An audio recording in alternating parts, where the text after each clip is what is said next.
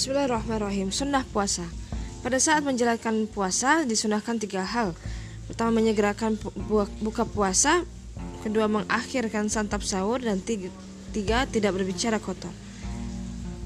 Menyegerakan buka puasa maksudnya adalah dalam sebuah riwayat Sahal bin Sa'ad al-Sa'idi radhiyallahu anhu yang mengatakan yang menceritakan anna Rasulullah sallallahu alaihi wasallam qala la yazalun nasu bi khairin ma ajjalul fitr bahwasannya Rasulullah sallallahu alaihi wasallam bersabda manusia akan selalu memperoleh kebaikan selama mereka menyegerakan berbuka puasa. Hadis riwayat hadis riwayat Al-Bukhari Al-Syaum bab tak Jil Al-Iftar hadis nomor 1880 1856.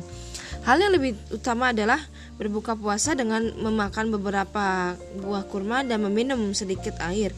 Lalu mengerjakan salat maghrib. Setelah itu menyantap makanan jika merasakan lapar. Abu Daud Al-Tirmizi dan Ibnu Majah merawikan dari Salman bin Amir radhiyallahu anhu yang berkata qala Rasulullah sallallahu alaihi wasallam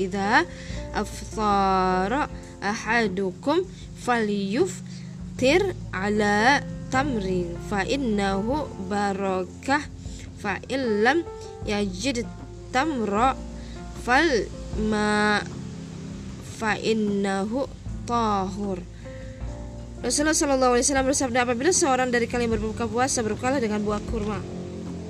Sebab kurma itu berkah atau banyak manfaatnya. Apabila ia tidak menemukan kurma, berbukalah dengan air, sebab air itu suci.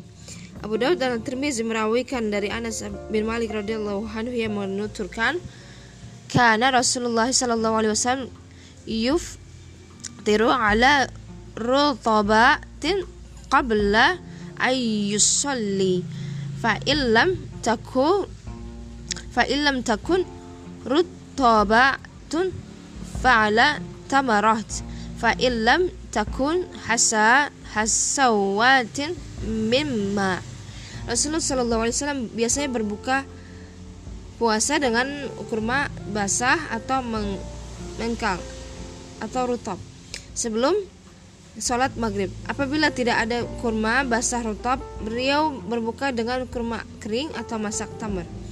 Apabila tidak ada, beliau meminum beberapa teguk air. Hadis riwayat Abu Dawud nomor 2355. Yang kedua, mengakhirkan santap sahur maksudnya di sini adalah di dalam musnadnya Ahmad meriwayatkan hadis berikut qala Rasulullah sallallahu alaihi wasallam la tazalu ummati bi khairim ma ajjalul iftar wa akharus suhur. Rasulullah Wasallam bersabda, umatku senantiasa dalam kebaikan selama mereka menyegerakan berbuka puasa dan mengakhirkan santap sahur. Hadis riwayat Ahmad Mustad Juz 5 halaman 147. Dalam sebuah riwayat Ibnu Abbas radhiyallahu anhu menuturkan anna Rasulullah sallallahu alaihi wasallam qala inna ma'syara ma'syara anbiya umirna an nuakhira suhurana wa nu'ajjila futurana wa annum wa annum sika aymanana ala syama'ilina fi salatina bahwasanya, bahwasanya Rasulullah Shallallahu Alaihi Wasallam bersabda sesungguhnya kami para nabi diperintahkan untuk mengakhirkan santap sahur, menyegerakan, menyegerakan buka puasa dan meneguhkan sumpah janji kami terhadap kualitas moral kami dalam sholat. Mengakhirkan santap sahur berarti menyelesaikan makan dan minum menjelang fajar terbit. Dalam sebuah riwayat Anas bin Malik radhiyallahu anhu menuturkan anna Nabi ya sallallahu ya Nabi Allah sallallahu alaihi wasallam wa Zaidab bin Thabitin tasahhara falamma faragha min sahurihima qama nabiyyu sallallahu nabiyullahi sallallahu alaihi wasallam ila salat. Fasalla qulna li amsi li li anas kam ka kam kana baina faragihima min sahurihima wa dukhulihima fis shalah qala qadru ma yaqra'u. Qadru ma yaqra'ur rajulu khamsina.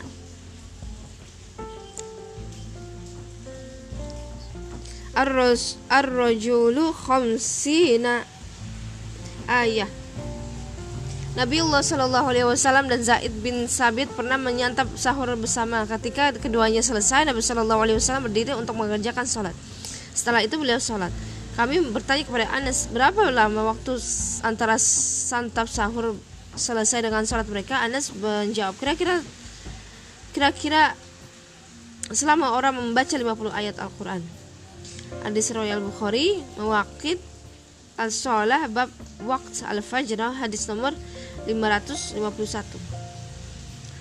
Yang ketiga Tidak berbicara kotor. Pembi Maksudnya adalah pembicaraan yang kotor ialah uh, Yang keji dan batal tidak benar. Seperti mencaci, menggunjing dan sebagainya. Pembicaraan seperti ini sangat tidak pantas bagi orang yang berpuasa Karena dapat menghapus amal ibadah dan menghilangkan pahalanya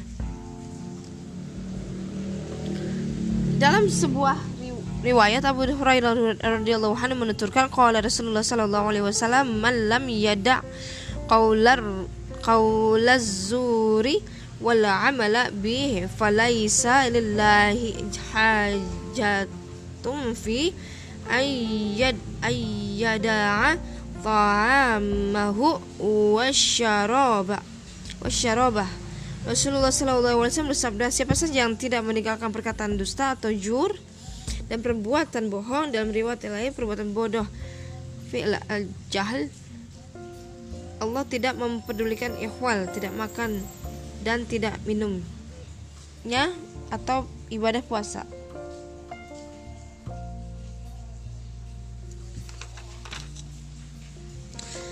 Dalam riwayat lain dari hadis Sahih Bukhari al-syaum bab man lam yada qal al zur wa al amal bihi fi al syam hadis nomor 1804 perbuatan bohong ialah yang sesuai dengan perkataan dusta sedangkan perbuatan bodoh adalah yang dinilai sebagai kebodohan atau yang tidak bermanfaat